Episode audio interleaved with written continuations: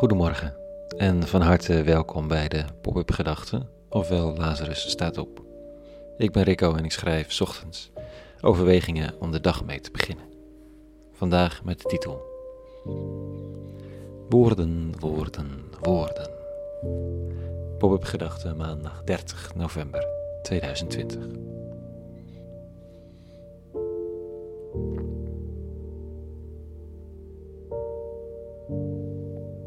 Het is nou eenmaal de manier waarop we communiceren.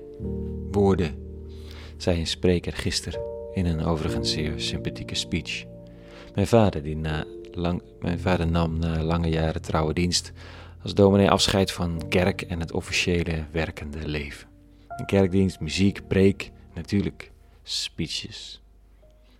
De spreker verontschuldigde zich voor het feit dat hij aan de lange woordenstroom van de zondagochtend nog weer extra woorden toe ging voegen maar ja, het kon niet anders, want woorden zijn ons enige middel ter communicatie. Het tekent de cultuur en de aannames van de gereformeerde wereld waar ik in opgroeide, en niet alleen van die wereld, maar van het hele westerse modernistische gedachtegoed. Mijn vader noemde het in zijn preek verbaliteitsoptimisme. Een vrij briljante term, gevormd door een van de professoren aan onze universiteit. Het idee dat woorden de boel wel zouden kunnen oplossen als we ze maar zo goed mogelijk gebruiken. En goed had dan weinig te maken met spaarzaam. Dus als je het nog niet zo goed had gezegd, probeerde je het gewoon nog een keer. Want het woord moet het doen, met grote letters. De beste man had er natuurlijk niet verder naast kunnen zitten met zijn gedachte dat woorden nu eenmaal de manier zijn waarop we communiceren. Goed, ik schrijf er ook altijd een hele serie op de ochtenden tussen 6 en 7. Maar wat communiceert er dan? Is dat de gedachte van het vroege opstaan, waar alleen in de vrij standaard inleiding hier aan wordt gerefereerd? Is het de vroege ochtendmijmering in de stem?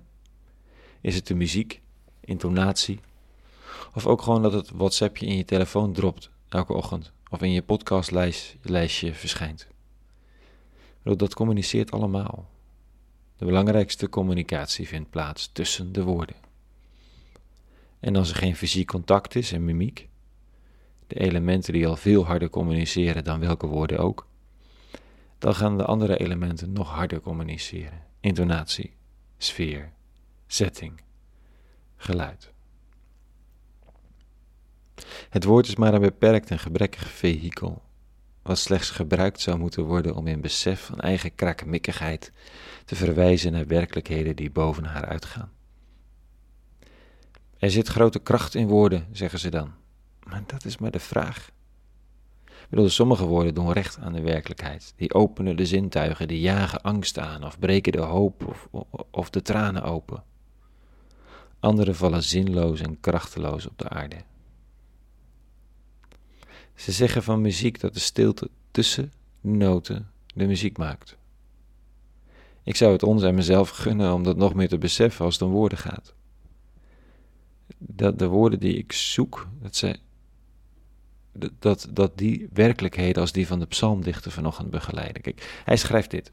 En we hebben alleen de woorden van hem. Geen muziek, geen intonatie, slechts een context. En dan dit geschreven lied.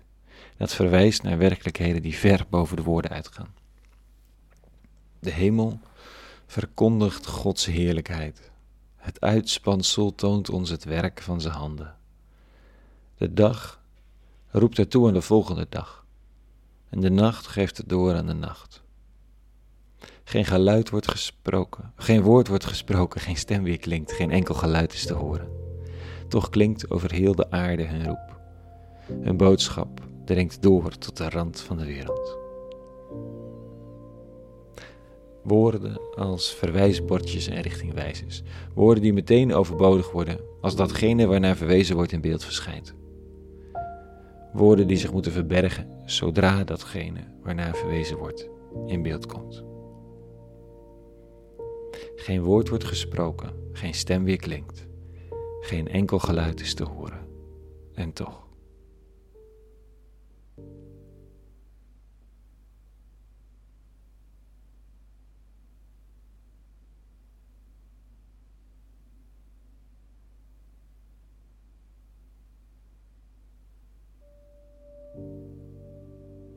Dat dus. Tot zover de pop-up gedacht. Een hele goede maandag en voldoende stilte toegewenst. En vrede. En alle goeds.